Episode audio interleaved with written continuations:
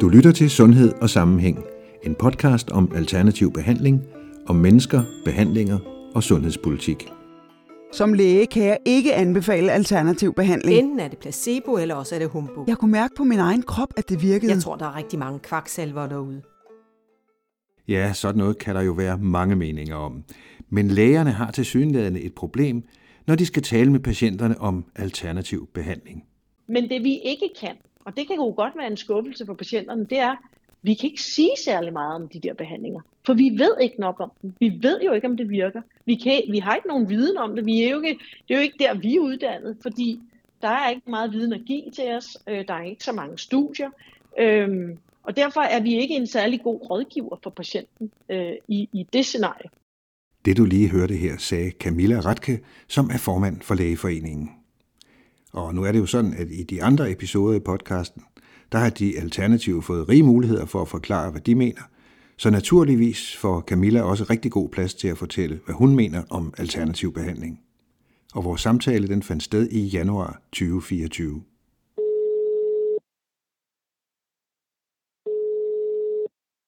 Hej, det er Jesper Madsen. Velkommen til Sundhed og Sammenhæng, Camilla Ratke. Det er Tusind rigtig dejligt. Det er dejligt, du vil være med i podcasten. Ja, Tak, fordi jeg måtte. og så må jeg heller lige røbe, at vi ikke sidder lige over for hinanden, øh, men hver sit sted. Jeg sidder her nord for Aarhus i min stue med en kop kaffe i nærheden. Og hvor, hvor sidder du henne? Jeg sidder i øh, Lægeforeningens hus, Domus Medica i København. Okay, ja ja, der er lige nogle 100 kilometer der. Jamen, øh, du er formand for Lægeforeningen, og, og i, det er jo altid rart at have en læge ved hånden, især de, disse tider, hvor vi har været plaget af, jeg ved ikke hvad, sne og kulde, og risikerer lige fra brækket håndled til, til forfrysninger. Øhm, men jeg håber, du er kommet ind i det nye år uden at skulle til lægen. Det er jeg i hvert fald indtil videre. Ja, det er også lykkedes mig. Åh, oh, det lyder godt. Men øh, ja, jeg har jo snakket med dig før, men øh, øh, nu er du jo formand for lægeforeningen. Øh, er det så et 24-7-job, eller er du stadigvæk læge også? Altså, jeg plejer jo at sige, at det er et 24-7-job, men jeg arbejder faktisk også som læge. Øh, I gennemsnit to dage om ugen, hvor jeg er overlæge på en medicinsk afdeling på, øh, på et hospital her i hovedstadsområdet på Herlev Gentofte Hospital. Jeg er speciallæge i hormonsygdomme, og øh, sidder faktisk også og, øh, og udreder kræftpatienter eller mulige kræftpatienter i en diagnostisk enhed. Så jeg ser skampatienter og er en del af den almindelige praktiske virkelighed, så at sige. Jamen, det lyder godt. Det skal man vel også lige for at bevare jordforbindelsen med det, man egentlig laver. Det, det giver da mening, kan jeg se.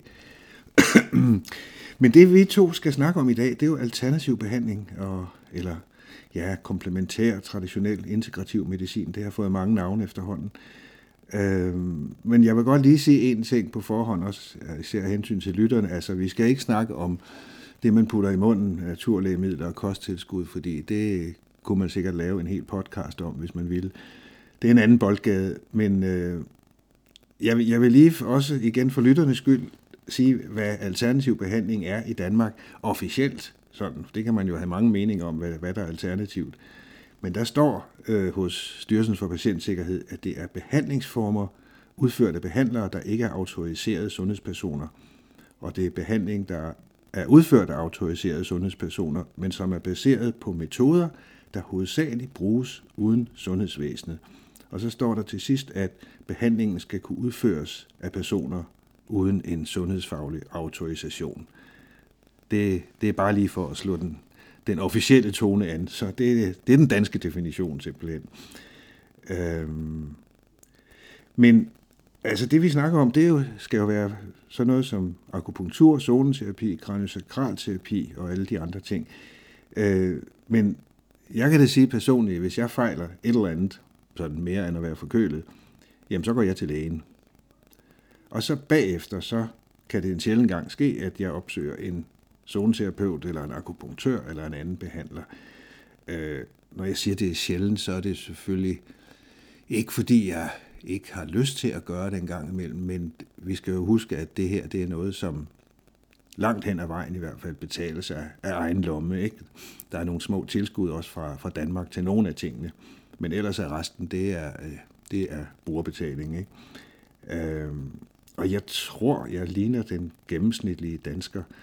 Altså forstået på den måde, at hver fjerde dansker vil statistisk set gå til en alternativ behandler her i, i årets løb. Nå, men øh, det skal jo ikke handle om mig. Hvad, hvad med dig? Øh, er du også en af dem, der selvfølgelig går til lægen, og så øh, går du også en gang imellem til en alternativ behandler? Nej, det gør jeg ikke.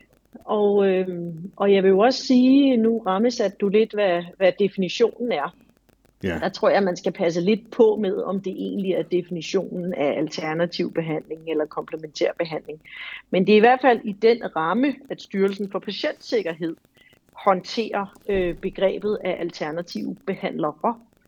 Øh, og det, som de øh, holder øje med, der bliver lavet. Fordi alternativ behandling er jo i hvert fald øh, tilbage i tiden mere definitorisk øh, anlagt, øh, også beskrevet som behandling, vi ikke har øh, videnskabelig belæg for at sige, kan virke på en eller anden måde. Det vil sige, det er måske behandlingsformer, vi har taget i brug, ikke fordi vi har studeret det og set, det har en virkning øh, i sammenlignelige grupper, men fordi at man måske erfaringsbaseret tænker, øh, erfaringsbaseret har man måske prøvet det af, og det virker hos nogle, eller man har tænkt sig frem til, at det her må måske virke i en eller anden retning, og så har man øh, indført det.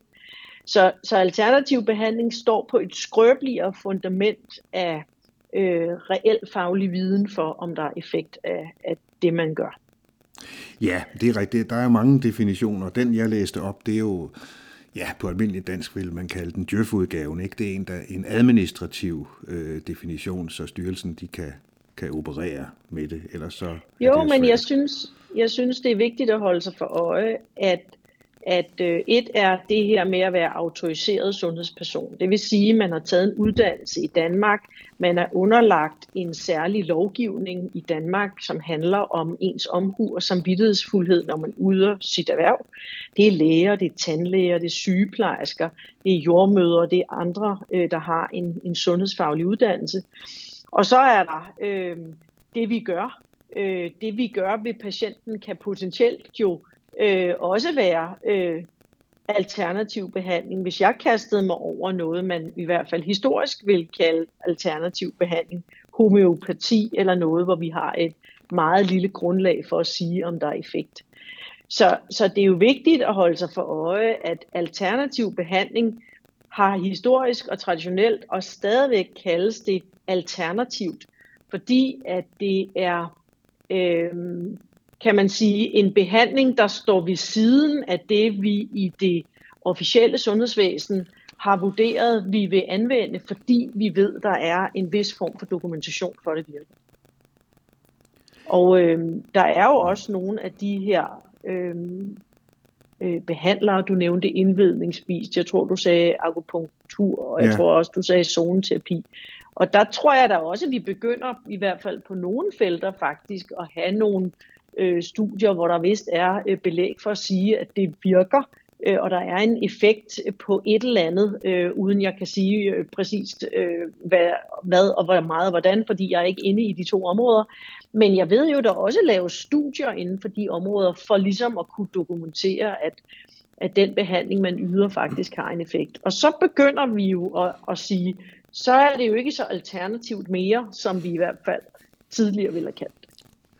Nej, det er klart, hvis man bruger den der øh, definition, som, som bygger på selve evidensen, ikke? Hvor, hvor, meget, mm. hvor meget vi ved om, hvordan det virker, og om det virker overhovedet, altså, så, så, så er det klart, at så vil det automatisk, hvis der er evidens, ryge over i en anden kategori, og så vil det ikke blive kaldt alternativt. Men, og jeg ved også godt, at nu skal vi ikke øh, fortabe os i forskning udelukkende, men vi kan ikke undgå at komme ind på det selvfølgelig. Altså jeg har lavet en helt podcast, podcast afsnit om, om øh, forskning, altså kan man overhovedet forske i det, og hvad er det for, hvad er det for nogle problemer, ikke? Så det skal vi heller ikke fortabe os i, i, i at blive for nørdet, men det, det er jo godt, at vi lige får den vendt her, fordi man skal jo gerne vide, hvad, hvad man mener, når man siger alternativt eller komplementært. Men, men øh, øh, hvad hedder det, er du, hvordan har du det med det i øjeblikket? Er du sådan med det alternative, altså er du nysgerrig, er du lidt bekymret, eller er der meget, du undrer dig over, eller hvad, hvad tænker du selv om det sådan øh, set ovenfra? Jamen, jeg vil sige, at alternativ behandling øh, er jo noget, vi ved, at rigtig mange øh, borgere eller øh, deciderede patienter øh, også kan finde på at ty til. Øh, enten øh, som et supplement til en behandling, de får i sundhedsvæsenet, øh, hvad enten det er øh, mængden af naturlægemidler eller kosttilskud, eller hvad det nu kunne være, som vi ikke skal snakke så meget om i dag. Men det kan også være deciderede behandlingstyper, kraniosakral terapi, øh, akupunktur, øh, homeopati, øh, alt muligt andet, øh, som de øh, supplerer et, øh, en behandling, de måske får for en, en relativt alvorlig sygdom i, i sundhedsvæsenet for. Og det må vi som læger have respekt for.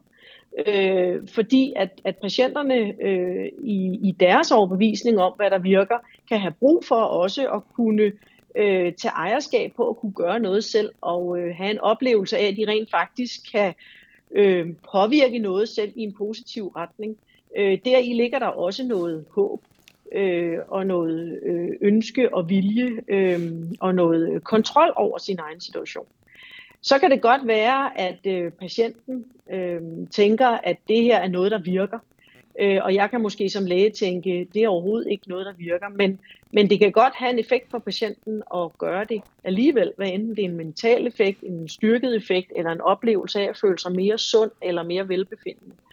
Yeah. Og der, hvor jeg som læge er opmærksom, det er der, hvor jeg øh, erfarer eller hører, at patienter øh, får øh, eller tager imod behandlinger, hvor jeg oplever, at der kan være en, en direkte fare. Altså hvis de, hvis de helbredsmæssige risici ved en eller anden given behandling, de modtager, øh, decideret overstiger nogle positive gevinster, eller at, øh, at den behandling, de modtager, måske modvirker øh, den behandling, jeg ved, så til gengæld virker på, på den sygdom. Og det kan jo være, hvis man, man er meget øh, ensidig i sin kost. Øh, det kan også være naturlægemidler, som interagerer med noget medicin. Det kan også være sådan noget som tarmskyldning mod depression, altså hvor det er så øh, åbenlyst, at her er der faktisk ikke en nødvendigvis effekt, og at patienten så undlader måske endda at, at, at få den behandling, der virker, fordi troen på det andet er større. Øhm, og så er der jo den her indirekte fare, hvor man jo faktisk øh, fravælger øh, den behandling, der virker. Øhm, altså den behandling, vi har vist, har en effekt, fordi man måske øh, tænker, at, øh, at øh, det andet er bedre. Og det kunne være, at man fravælger kemoterapi, fordi man hellere vil spise en kombination af nogle kosttilskud, eller nogle lægemidler, eller nogle øh, påståede øh, antikraft, virke, kraftstoffer eller noget andet øh, og hvor jeg jo kan se, at det vil nok ikke skade eller gavne patienten, øh, men jeg kan sidde og tilbyde en behandling, der virker. Så jeg er opmærksom på det fareproblem, der kan komme fra patienten i at lægge så meget øh, vægt og energi over i noget, som øh, potentielt kan enten skade den behandling, de får, øh, og dermed skade øh, deres helbred eller effekten af behandlingen, eller øh, forsinke, de får øh, en behandling, der kunne virke, øh, eller så fremdeles. Og derfor er dialogen omkring, hvad der foregår omkring patienten, også for læger, rigtig, rigtig vigtig.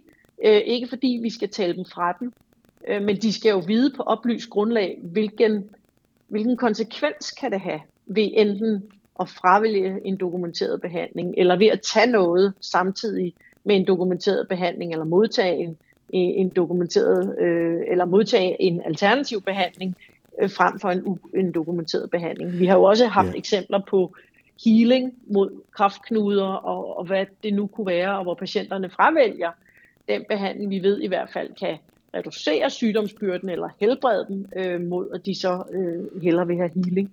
Og det er jo patientens eget valg, hvorvidt de ved det, men det skal være på et så helt oplyst ja, på grundlag oplyst som overhovedet muligt. Ja, og den dialog, du snakker om, det er jo, det er jo også derfor, den er hammerende vigtig, at, at, at folk taler med deres læge, ikke? og ikke sådan går og putter med det og siger, jamen jeg tager det og det, ikke? Og at jeg ved jo også inden for øh, almindelig, øh, det almindelige sundhedsvæsen, at man, man virkelig lægger meget vægt på at undersøge det, der i det, der med et fint ord hedder interaktionsdatabasen, ikke? Altså at man ser, at der er nogle nogle, nogle ting, som man ikke skal kombinere på nogen måde. Ikke? Og det gælder selvfølgelig så også i forhold til det alternative, selvom det så ligger uden for, for, for, for det konventionelle. Øhm, og, og det er, da, det er da et problem, og heldigvis så har jeg i hvert fald læst, at øh, langt de fleste danskere, de, hvis de laver noget alternativt øh, ved siden af, så øh, de, de fravælger meget, meget sjældent øh, helt det, det traditionelle sundhedsvæsen. Altså, gudskelov da, ikke? fordi det, det vil da være, øh, det vil da være dumt. Øh, men øh, ja, jeg tænker også på, at, at når man så spørger øh, både patienter eller borgere og så alternative behandlere, øh, så, så har det tit været lidt som, som, som ild og vand. Jeg synes, det er blevet bedre, men altså, den ene side siger, at det er noget overtro, det er noget fup, og det er bare placebo, og de tjener penge på ingenting. Ikke? Og de andre, de står og siger, at det er lægerne, der er forstokket, de kan ikke se det hele menneske, men de fylder os bare med medicin. Altså, men for det første synes jeg, det er bedre, øh, at det, der er sket en bedring, og for det andet, så, så sidder vi jo her i en podcast-episode, øh, og, og vi skal netop ikke fodre nogen fordomme, tværtimod, øh, eller fjendebilleder, eller hvad pokker det hedder. Uh, altså, synes du også, det er, er, at der er, sådan, er kommet en lidt mere rolig altså, måde at snakke sammen på? Ja, altså man kan jo sige, det er jo sjældent, at læger og alternative behandlere på den måde konflikter eller mødes i det samme rum og, og snakker på den måde. Det er jo patienten, der tit ligesom øh, bærer øh, holdningerne øh, frem og tilbage, eller man ser holdningen øh, konflikte øh, i indlæg eller i debatter i det åbne rum. Og, og man kan jo i hvert fald sige, at, at det er jo sådan set fair nok, at nogen kan synes, at læger er forstokket og ikke åbne over for det der. Men det er jo dybest set forankret i den uddannelse, vi har fået, i den øh, måde, vi lærer at tænke forbedringer, i den måde, vi lærer at tænke øh, nye behandlinger, afprøvning af lægemidler eller behandlinger, sikre, at tingene virker, inden noget bliver til en godkendt behandling. Ja, altså det kan... der er jo mange processer i, og derfor kan ja. man sige, at som læge over for det, man oplever i, i, øh, i det alternative behandlingsområde, der virker det på en læge rigtig meget som noget, der er uafprøvet, øh, udokumenteret, og derfor potentielt jo bare jamen det kunne lige så godt virke, som det ikke kunne virke, og det kunne lige så godt bare være en meget stor udgift for patienten, som det kunne være noget, man fik noget for pengene for. Ja, så ender og det bare... Ja, og så kan det jo blive sådan lidt, øh, om det er også bare lægerne, der var forstokket.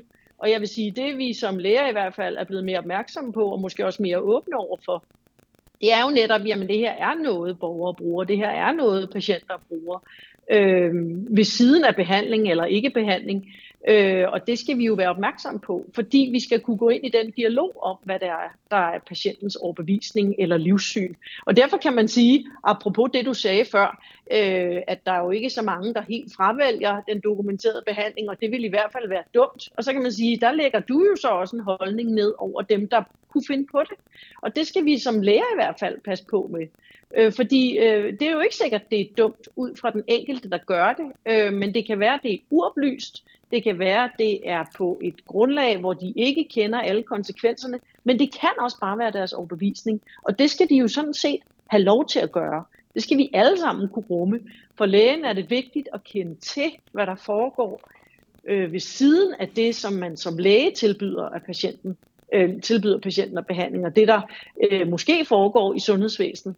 Fordi hvis vi ikke kender til det, så kan vi ikke være opmærksom på, om der er noget, der modvirker hinanden, Nej. eller øh, i virkeligheden gør, at patienten ikke kan følge den behandling, vi tilbyder, fordi der er øh, nogen, der trækker i en anden retning, eller patienten egentlig selv har en overbevisning, der trækker i en anden retning.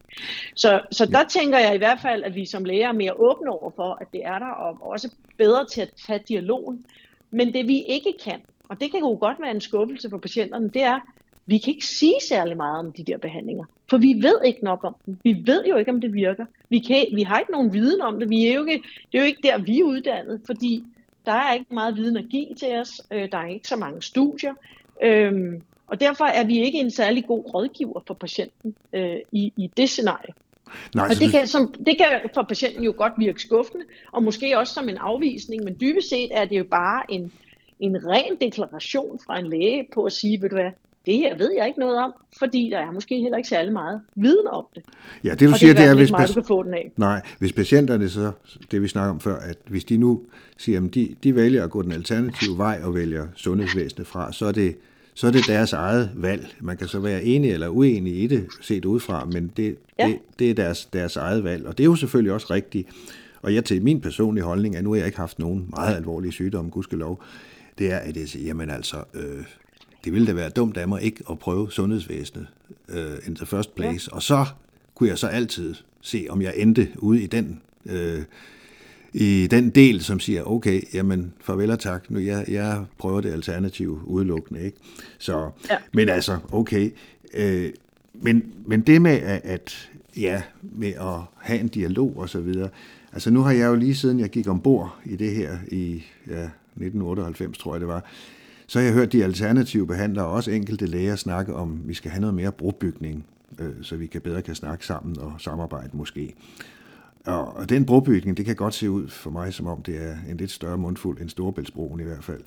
Altså, men hvis du sådan kigger lidt tilbage og, og, og tager det store perspektiv, altså, øh, synes du, der er har været flere tendenser til brobygning efterhånden her på, på det sidste, at man prøver at tage nogle emner op inden for sundhedsvæsenet, eller sætter gang i nogle initiativer? Jeg er nødt til at forstå, hvad du mener med brobygning. Fordi ja. jeg vil jo alt andet lige sige, at det er jo ikke sundhedsvæsenet eller lægerne, der skal dokumentere, om de alternative behandlingsformer virker. Nej, det er det skal, de alter, det, skal, det skal de alternative behandlere selv. Ja, forhåbentlig. Og det er jo der, det, ja, jo, men, men hvem er forskerne? Det må vel være dem, der synes, de har den største viden. Det må vel være dem, der driver den alternative behandling. Det er jo ikke nødvendigvis læger, der skal lave forsker i, forskning i alternativ behandling. Og hvem er så forskerne?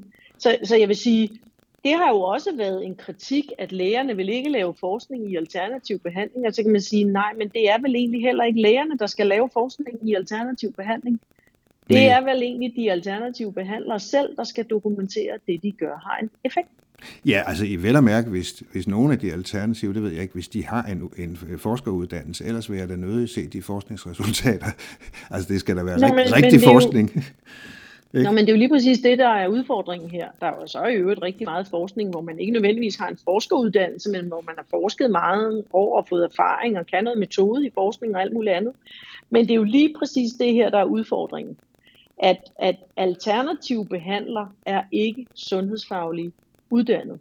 Det er ikke autoriserede sundhedspersoner. Nej, nej, I virkeligheden de kan de være alt muligt andet, lige fra advokater til ingeniører, til øh, lagermedarbejdere, til bager. Det kan være alle mulige, der ikke er underlagt øh, autorisationsloven i Danmark. Men det er jo dem, der driver den alternative behandling. Ja, og men... hvis de gerne vil dokumentere, at noget virker, så må de jo dokumentere det. Og det kan de jo selvfølgelig godt øh, prøve at invitere til, til forskning om, men eftersom det ikke typisk udspringer af, af den sundhedsfaglige virken, viden, og det ikke udspringer nødvendigvis fra, fra læger, men det kan jo udspringe fra andre faggrupper, jamen så er det jo svært at få, få lavet denne her øh, interesse måske fra, fra min del af, af sundhedsvæsenet i at få forsket i det. Ja.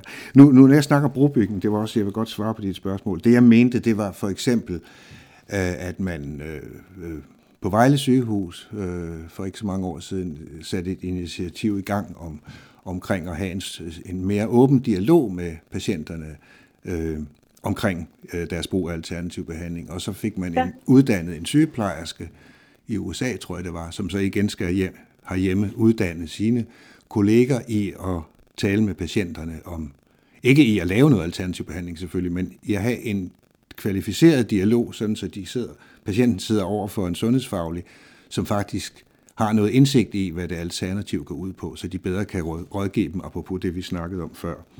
Så det, det har jeg i hvert fald set som en, en, en positiv form for brobygning.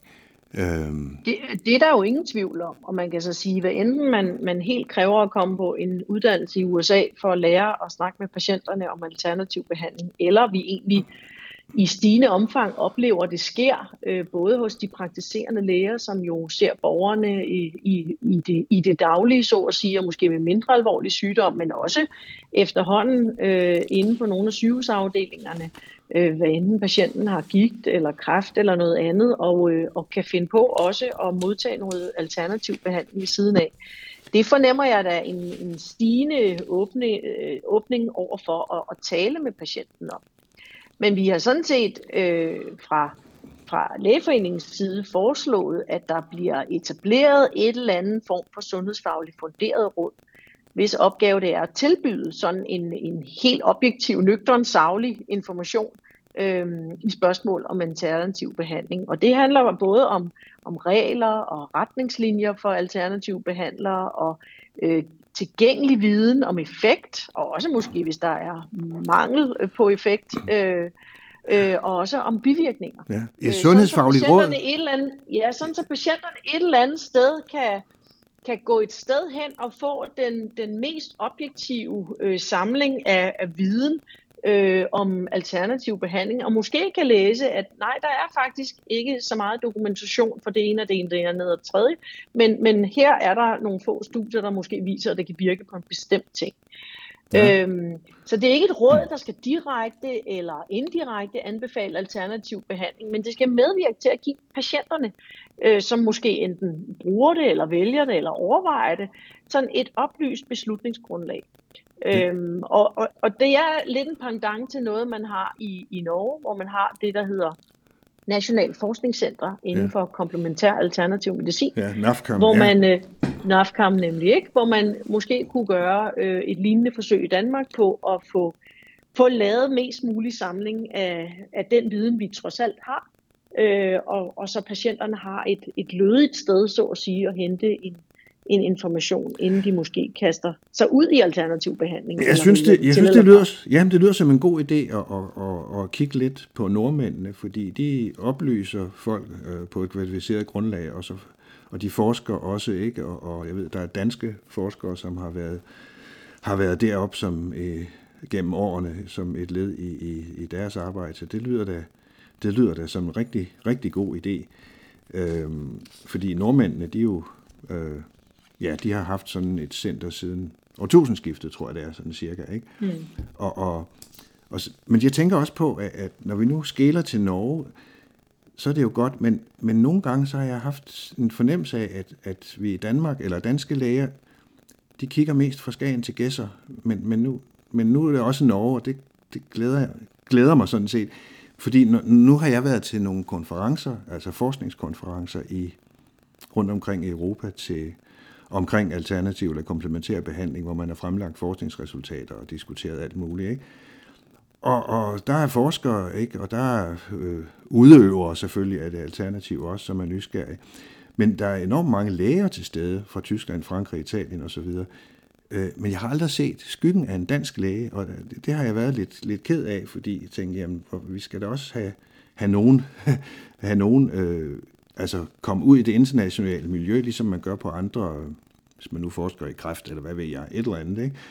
Øh, og få noget input og diskussioner med, med nogle andre. Men det kan være, at det så er noget, der, der er, er ved at være på vej, når man nu også åbner sig lidt mod nordmændene, ikke? som jo ligner os på mange måder. Øh, men, men har du nogen bud på, hvor, hvordan det kan være, at, at der ikke har været danske læger, ja, det har, kan du jo ikke gå rundt og holde regnskab med, det ved jeg godt. Men altså, jeg siger bare, jeg har aldrig mødt den eneste øh, dansk læge til de der kon- konferencer, og det, det, har jeg, det har jeg bare undret mig over, hvordan, hvordan pokker det kunne være. Øh. Det kan jeg jo ikke svare på, hvorfor Nej. vi ikke som, som læger er til stede på, på konferencer om alternativ behandling, udover det synspunkt, jeg allerede tidligere har haft at der er i, i, i Danmark blandt læger nok ikke en, en meget stor eller bred generel øh, øh, interesse øh, imod den alternative behandling. Altså læger i Danmark arbejder ekstremt internationalt, men de gør ja. det jo inden for dokumenterede virkningsområder. De afprøver medicin, de afprøver operationsteknikker, de afprøver alle mulige forskellige øh, typer behandlingsformer. Øh, men der har ikke været så stor øh, fokus i, i den anden retning. Det er ikke det samme som, at der ikke også er blevet øh, lavet studier på øh, vitaminers virkning på den ene eller den anden type øh, sygdom, men, men det er ikke det, der har, har fyldt nødvendigvis så meget vægtet op mod, mod al den anden forskning, som læger foretager sig. Nej. Og så vil jeg jo sige, at, at øh, der er jo, øh, når du snakker internationale konferencer om, om alternativ behandling, der er jo en meget, meget tung tradition i Tyskland inden for homeopatien. øh, som alt Ja. andet lige nok gør, at man har et andet fokus i Tyskland på det her. Øhm, og så har jeg måske også med et, med, med et lille øh, smil på læben også lyst til at sige, nu er der også utrolig mange i Tyskland, der er doktorer uden at være læger. Så det skal man også passe på, at man ikke bliver forvirret af, når man er til sådan nogle kon- konferencer. Øhm, Nå, det er ikke øh, det er sådan, det er sådan falske altså, læger, der dukker er op, eller hvad? det Nej, men, men, men, men, men doktor er jo en titel, du kan købe i Tyskland. Det er jo ikke nødvendigvis en læge. Nå, på den måde. Nej, nej, det Ja, kommer an på så- deres, så- det kommer an på deres CV selvfølgelig. Det er kommer an klart. på deres CV, ikke? Så Ja, det er ja. jo også derfor, jeg siger, at det er med et smil på læben. Men, men jeg tror, at, at, at der sagtens øh, i nogle af de andre lande øh, kan være, også i Sydeuropa, kan der sikkert sagtens være en anden tradition for at tænke det her, øh, end, end vi har i Danmark. Og man kan sige, øh, det man har i, i Norge, øh, og det som vi jo egentlig også tænker, vi godt kunne have i Danmark, har jo ikke nødvendigvis øh, så meget at gøre med, med, øh, med læger og lægestand og, og, og lægers øh, større interesse i det.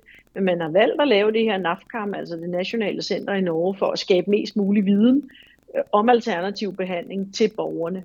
Øh, og det er jo egentlig det, vi også som læger i Danmark foreslår, man måske gjorde i Danmark, fordi vi synes, der er lige så meget behov for at, at oplyse øh, mere nøgternt om øh, det, som alternativ behandling måske ikke har vist effekt på, fordi vi jo netop ser, at der måske bliver øh, nogle gange slået lidt for meget håb op, end der bliver øh, slået noget op, der er reelt hold i, øh, i virkeligheden. Ikke? Ja, men jeg er da også spændt på det med Norge, eller hvad der, hvad der sker i Danmark selvfølgelig, fordi det, der har man også øh, formået at lave et center, som var meget tværfagligt funderet, altså læger, psykologer og andre faggrupper, og, og de alternative behandlere, de er så, altså inde over også øh, med hensyn til, til, til øh, hvad hedder det, råd, forskningsrådet, eller hvad de kalder det, dem der, der, der sidder og, og, og styrer centret, en slags bestyrelse eller sådan noget. Så det, det, er, det er der ret spændt på.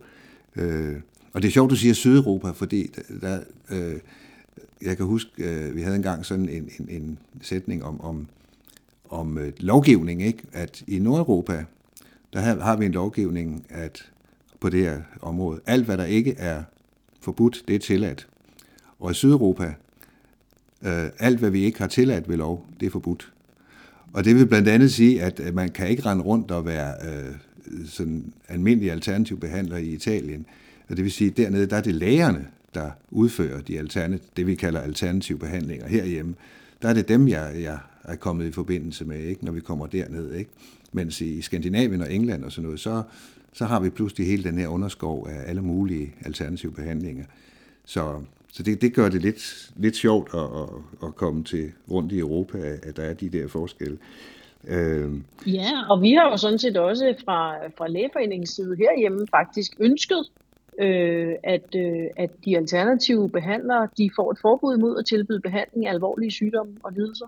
Fordi at når der netop ikke er dokumenteret effekt af det, de gør, så øh, synes vi faktisk også, at der skal være en eller anden øh, maks ramme for, hvad man må øh, tro, man kan virke mod.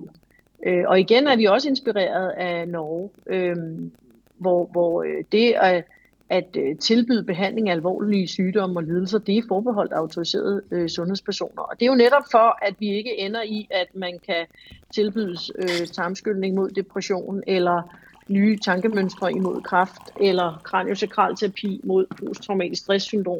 Altså, at man i virkeligheden er opmærksom på, at der, hvor, hvor patienterne fejler noget, der er ret alvorligt, der er så også mere på spil, og hvis man tror, man med alternativ behandling kan, kan helbrede mm øh, det, øh, så er det også med større øh, risiko for patienterne. Og vi har faktisk også foreslået, at, øh, at alternative behandlere, uanset øh, hvad de så øh, laver alternativ behandling øh, rettet mod, jamen så skal de leve op til nogle minimumskrav, øh, som både øh, handler om at give nøgterne information og føre optegnelser over det, de gør, lidt ligesom journaler, og i virkeligheden også øh, udvise omhu og samvittighedsfuldhed og anbefale folk søger læge, hvis der ikke er effekt, og alle sådan nogle ting. ja. Så vi synes jo godt, man kan sætte nogle krav til det at være alternativ behandler, øh, fordi det trods alt har en vis konsekvens for patienten at, at lægge sin, øh, sin tro på, at det man øh, måske endda også betaler for, og ikke altid betaler øh, helt små penge for, at, øh, at det er ikke bare øh, sådan øh, uden risiko. Nej, det til fare, men det, det kan jeg godt forstå, og det er der også faktisk, øh, tro det eller ej, men altså det er noget af det, det de alternative selv siger, de vil godt, øh, så, altså nu snakker jeg om den sådan veluddannede, seriøse del af dem, ikke, som er RAP-registreret, de vil godt have, have, have puttet nogle flere ting ind i den der rapordning, som nogen i øvrigt her for en 3-4 år siden ville afskaffe. Øh, det synes jeg lød lidt underligt, for så var der slet ikke styr på noget. Men tværtimod, så, så følge det, du siger der, så burde man faktisk stramme den, eller gøre den bedre, øh, den der registreringsordning. Altså, vi vil jo faktisk også meget gerne have øh, registreringsordningen, som den er i dag, nedlagt. Øh, og det vil vi faktisk, fordi at den i sin nuværende form, der giver den patienterne en falsk tryghed øh, i forhold til den patientsikkerhed, øh, som ordningen øh, så tilbyder. Ja. Øh, vi foreslår, at der er elementer for ordningen, som kan øh, som formentlig godt kan være til gavn for patientsikkerheden, og det bliver ligesom videreført i en ny lov øh, til at regulere alternative behandlinger. Øhm, øh, men, men vi synes faktisk, at man lige nu øh, godt, hvis man nu var øh, patient, kan få en, øh, en lidt fejlslagen opfattelse af, hvad rapordningen egentlig øh, skaber af sikkerhed. Øh, man kan jo faktisk læse øh, på hjemmesiden, det har man i hvert fald kunnet, om øh, sundhedsmæssige tilstanden kan behandles med, øh, med blomstermedicin og fjernhealing. Og det er jo sådan lidt uholdbart.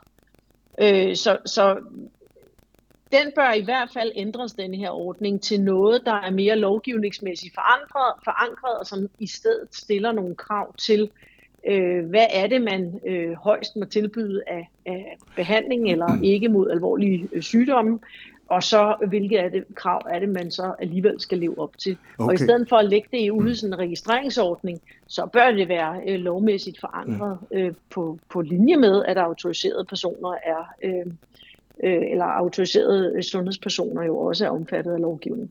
Ja, men altså, jeg har også hørt nogen snakke om, at man skulle stramme nogle ting med hensyn til, til markedsføringsloven, hvordan man må sige, at jeg kan kurere det og det og sådan noget. Men de andre ting, ja. du efterlyste før, da vi snakkede om Norge, det var jo også sådan noget med uddannelse, etiske regler, journalføring og sådan noget. Så, så derfor så tænker jeg, at det står jo allerede i rapordningen, så hvor, hvorfor ikke gøre den bedre, i stedet for at nedlægge den og så oprette noget nyt? Er det ikke lidt nemmere? Fordi, fordi, fordi rapordningen er jo blevet til sådan en klistermarkat, man kan sætte på sin øh, rude som alternativ behandler. Og så får patienterne faktisk den opfattelse, at fordi man er registreret i rapordningen, så er øh, det det samme som, at det man gør virker. Nå. Men rapordningen er jo blot, om man har registreret sig hos Styrelsen for Patientsikkerhed. Der ligger ikke i denne her registrering noget som helst øh, tyngde i, at så betyder det, at behandlingen virker. Der ligger heller ikke noget som helst i denne her ordning i, at man øh, så alt andet lige øh, lever op til særlige krav. Eller, jo, øh, det, gør man, det gør man, undskyld, men ud, der er der uddannelseskrav, inklusive fysiologi, anatomi jo. og plus selvfølgelig de det, de ud, laver. Ja, men de uddannelseskrav skal de så i øvrigt bare selv lave. Øh, så uddannelseskravene er jo uddannelse, man tager i sin egen regi. Det vil sige, at der er ikke nogen øh, som helst kontrol med, hvilken type uddannelse man får, eller hvor meget fysiologi eller hvor meget anatomi man får.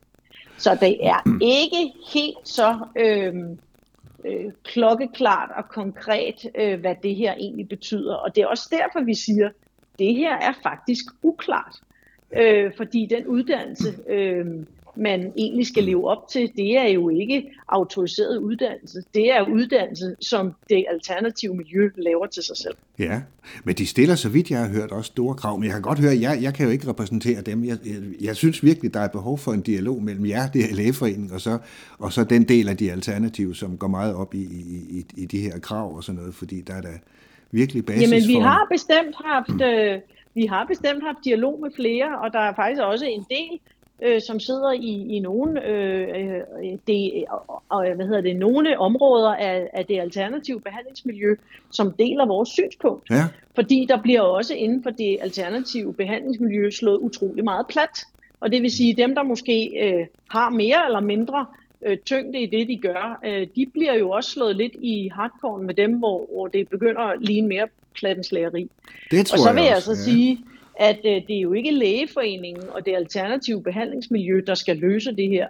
Det er jo sådan set, at øh, vores, øh, vores sundhedsmyndigheder, øh, som alt andet lige må, må øh, være interesseret i, at der kommer nogle mere formelle krav til de alternative behandlere, også i forhold til, øh, hvor langt de må gå øh, i at, at, at tilbyde behandling uden dokumenteret effekt for øh, noget, der øh, er alvorlig sygdom. Det synes vi i hvert fald, man skal, man skal afgrænse og så stille nogle flere krav. Og det skal man ikke gøre i et råd.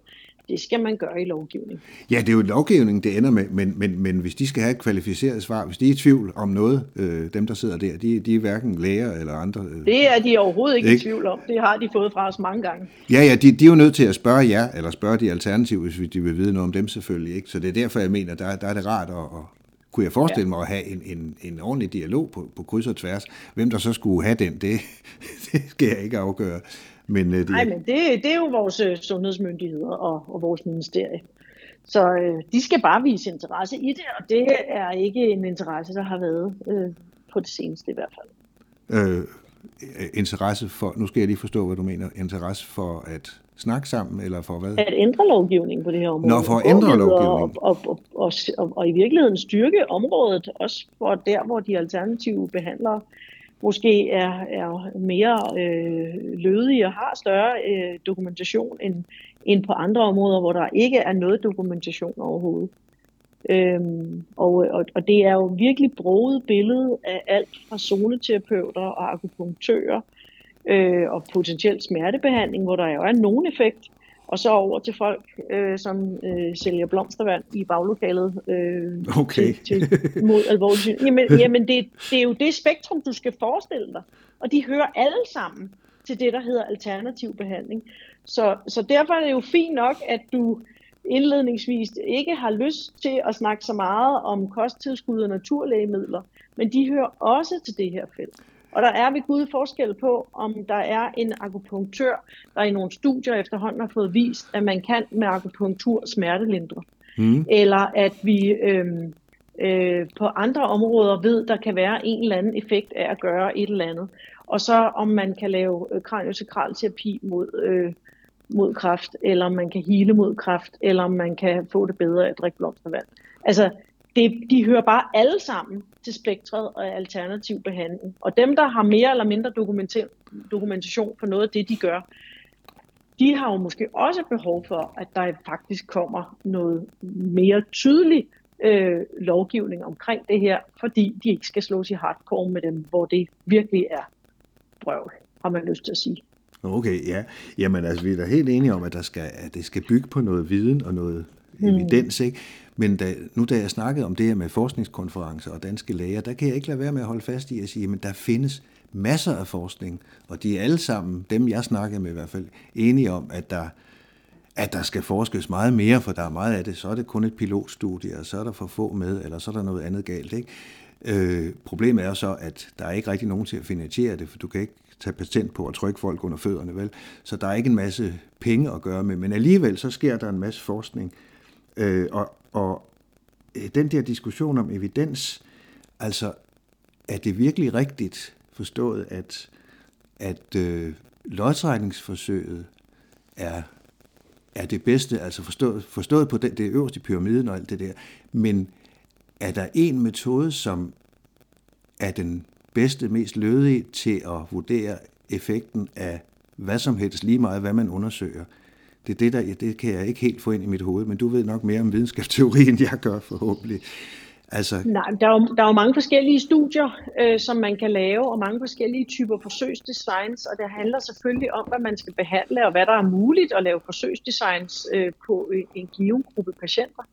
Men, men pointen er, at nogle studier, lidt afhængig af hvor stærkt forsøgsdesignet er, det kan lede til nogle hypoteser og nogle øh, øh, formodninger om, at noget virker, og så kan man prøve det af i, i bedre studier og andre forsøgsdesigns, og på et eller andet tidspunkt, så skulle man meget gerne nå frem til, at, at her har vi noget, der virker, og det har man måske så endda afprøvet i to forskellige grupper af patienter, øh, eller to forskellige studier.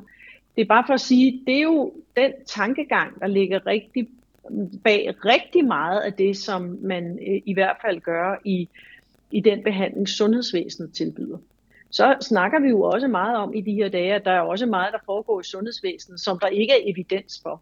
Ja. Og noget af det handler jo også om, jamen, hvor hurtigt skal vi følge op på en tilstand, eller skal vi scanne, når en lille øh, uskyldig dut i lungen er 6 mm, eller skal vi først scanne, når den er 8 mm? Så gør vi det måske for en sikkerheds skyld, når den er 6 mm, men det har vi egentlig ikke belæg for at sige. Det vil sige, har måske ikke evidens for at sige, at det er vigtigt at scanne den igen, når den er vokset 2 mm, eller når den er vokset 4 mm. Men, men de behandlinger, vi tilbyder patienterne, de øh, operationer, vi tilbyder patienterne, den lægemiddel, de lægemidler, vi tilbyder patienterne, den strålebehandling, vi tilbyder patienterne, den er langt overvejende jo øh, dokumenteret øh, at have en effekt. Og så nogle gange, når vi har det i brug, øh, for eksempel lægemiddel, vi har brug i en sygdom, så begynder vi så at udvide, kan vi også bruge det i en anden sygdom, og på et eller andet tidspunkt, så er vi nødt til at lave et studie for at se, om det mere klokkeklart altid vil have en effekt i en, i en given gruppe med en ny sygdom. Men det er bare for at sige, det er en meget, meget forankret måde at afprøve øh, alt det, vi gør. Ja. Fortløbende, Men... og, øh, og især når noget er nyt. Men altså, jeg har set også i uddannet nogle opgørelser over, hvor stor en del af interventionerne i sundhedsvæsenet, der var baseret på øh, lodtrækningsforsøg eller ACT. Og det var altså, ja. det var, det var altså nogle gange ned under 20 procent, ikke? Fordi man gør jo. så mange forskellige ting, ikke? Og så kan jeg ikke lade være med at grine, og så tænker jeg, at ja, men sundhedsvæsenet, de har fuld gang med at, at lave en masse alternativ, for det, det var jo så en af definitionerne på alternativ. Det var noget, hvor der ikke var evidens for, ikke? Så det virker Nej, nu... altså, altså at, der ikke er et, at, at der ikke er et lodtrækningsforsøg, er jo ikke det samme som, der ikke er evidens. Nå, Okay. Der findes jo rigtig mange studiedesigns og rigtig mange forskningsmetoder. Øh, det kan godt være, at man ikke kan lave et lodtrækningsstudie, for det kan man ikke nødvendigvis på alt. Nej. Øh, men, men det er ikke det samme, som at der så ikke ligger et andet forsøgsdesign, som måske er knap så stærkt som et lodtrækningsstudie. Men hvis der ligger et andet forsøgsdesign, som er knap så stærkt som lodtrækningsstudiet, og der ligger endda flere studier fra forskellige forskningsgrupper rundt omkring i verden. Ikke nogen af dem er randomiserede øh, studier, øh, lodtrækningsstudier, men til gengæld er, er det det næstbedste eller det tredje bedste, og der er mange af dem, så er det jo også efterhånden en, en stærk e, evidens. Ja, men det så, gælder så, vel så, så også det, kan, gælder det ikke også det alternativ så? Altså, hvor man jo, har... jo, jo, men de kan bare lave nogle studier, og det er det, der er min, min pointe. De må meget gerne lave nogle studier, fordi tænk, hvis vi kunne komme hen til, at noget af det, de gik og lavede, kunne vi sige, det er der en effekt ved, og så kan det blive øh, potentielt jo øh, en behandling, der kan tilbydes. Og det, jeg hører dig sige, det er, øh, jamen, så må lægerne i gang, og det jeg siger, det er, at det er jo ikke lægerne, der nødvendigvis skal dokumentere det her. Nej, nu, det, nu, det er den, vel de alternative behandlere. Ja, undskyld. Så, altså, så, jeg, så jeg ser meget gerne, jeg ser meget gerne noget forskning i det her. Men hvis der ikke er en interesse i at forske i det, så kommer vi jo bare ikke videre. Og, og den interesse skal der jo være, hvad enten interessen er hos lægerne, og, og det er der måske i stigende grad, i hvert fald, som jeg hører dig sige det, der er det i Europa. Øh, eller også så skal det jo være fra det alternative miljø selv at lave noget forskning på det her. Hvad enten det er hypotesegenererende forskning, som man kan prøve noget mere af, eller man kan lave de store, fine lodtrækningsstudier. Men altså, lodtrækningsstudier kan man bare heller ikke lave på alt. Men altså helt ærligt, altså, dem, der, dem der kan lave noget kvalificeret forskning, det må da ved Gud være forskerne, og ikke en eller anden akupunktør eller zoneterapeut. Altså, det må da være jo, men, en rigtig forsker, forsker, der skal forske.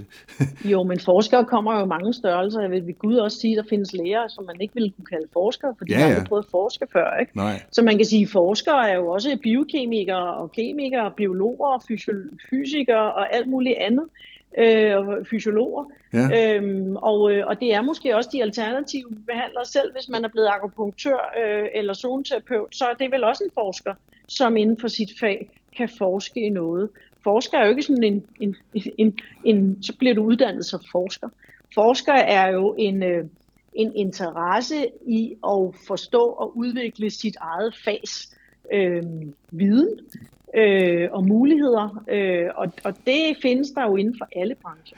Men det er jo en akademisk, det også en, det er jo ikke en akademisk, undskyld, men det er da ikke øh, akademisk uddannelse, vi snakker om her. Jeg tænker, de, de forskere, jeg kender som forsker i alternativ behandling, Jamen det er alt lige fra religionsvidenskab til kemi og fysik og læger og sådan noget.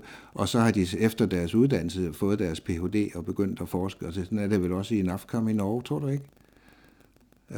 Ja, nu er NAFKAM jo bare et sundhedsfagligt råd. Det er jo ikke en, et forskningsmiljø. Jo. Men, men, nå, men hvis vi lige vender tilbage til, ja jo, men det er jo, altså det, når jeg snakker om NAFCAM, og, og, og vi gerne vil have noget i NAFCAM, eller noget, der minder om NAFCAM, så er det jo ikke, at vi der kan forske i alt, hvad der foregår. Vi tænker NAFCAM i et objektivt sted at få viden om alternativ behandling fra for alle. Også for sundhedspersoner i virkeligheden. De vil jo også have glæde af at kunne slå op i, hvad virker, hvad virker ikke. Nå, på den Men måde, det er bare at sige, jeg vil sige, forskere kommer jo i mange størrelser, og der, og der er også forskning på professionshøjskolerne, vil jeg da sige. Vi har da også fysioterapeuter, der er professorer, og vi har sygeplejersker, der er professorer. Ja, ja, så, det ved så i virkeligheden, så kan du jo forske inden for mange felter og inden for mange fag. Øhm, og derfor så tænker jeg også, at, at dem, der øh, er uddannet i kraniosakral terapi, de må da ved Gud være bedre til at forske i kraniosakral terapi end mig. Ja, Og de må da så tilegne sig viden om, hvordan man forsker. Ja, det, det- det kan da ikke være mig som læge, der skal tilegne mig viden om, hvordan jeg forsker i øvrigt et fag, jeg ikke kender. Nej, Så, så det er jo det der med at få, altså det er jo det der med, at, at, at de her behandlere skal jo selv tænke i, hvordan de kan nå til at vise, at det de gør, skaber en værdi.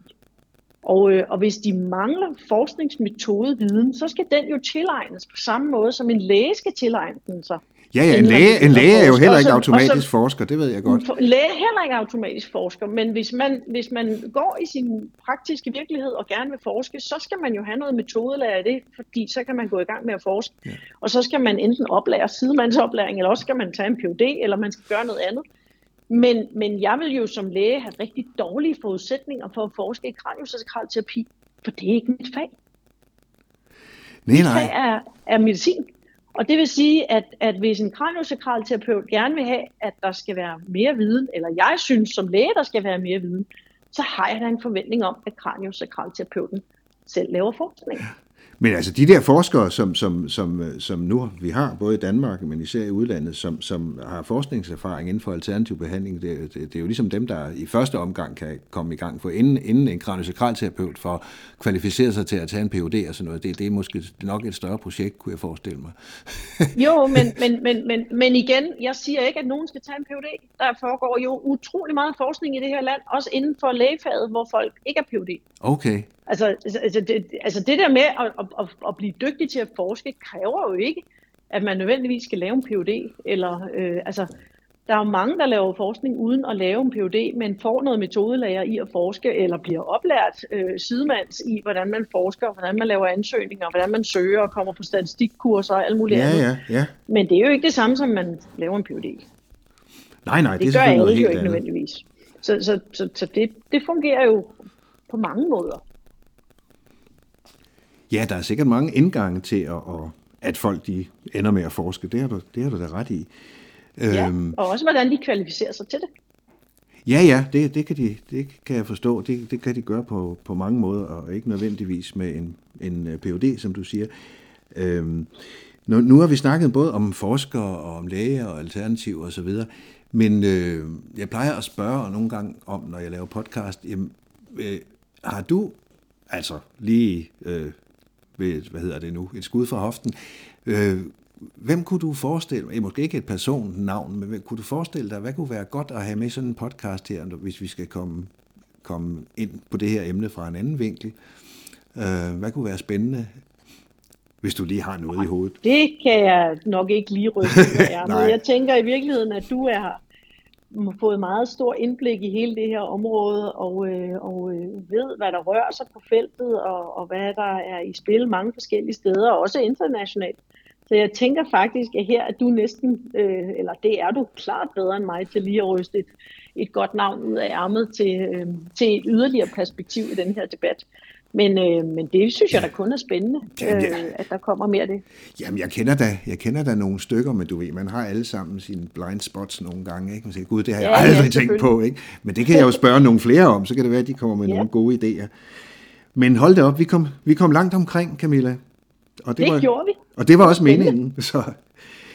Ja, men øh, jeg tror, jeg vil sige tak for i dag, og der er også ved at være gået en time, og det havde jeg også lovet både mig selv og dig selvfølgelig, at vi skulle holde den sådan på en times tid, så... Men øh, nu vil jeg sige pænt tak og farvel, og tage mig en kop kaffe, og det kan du gøre, hvis det er sådan noget, du har, du plejer at drikke. Så, Det lyder dejligt i Ja. hvert fald. Og jeg vil sige tusind tak, fordi jeg måtte være med. Det var en øh, fornøjelse og en rigtig øh, spændende øh, dialog, vi havde med hinanden om, øh, om hele det her område. Jamen i lige måde. Tak skal du have. Hej hej Camilla. Hej.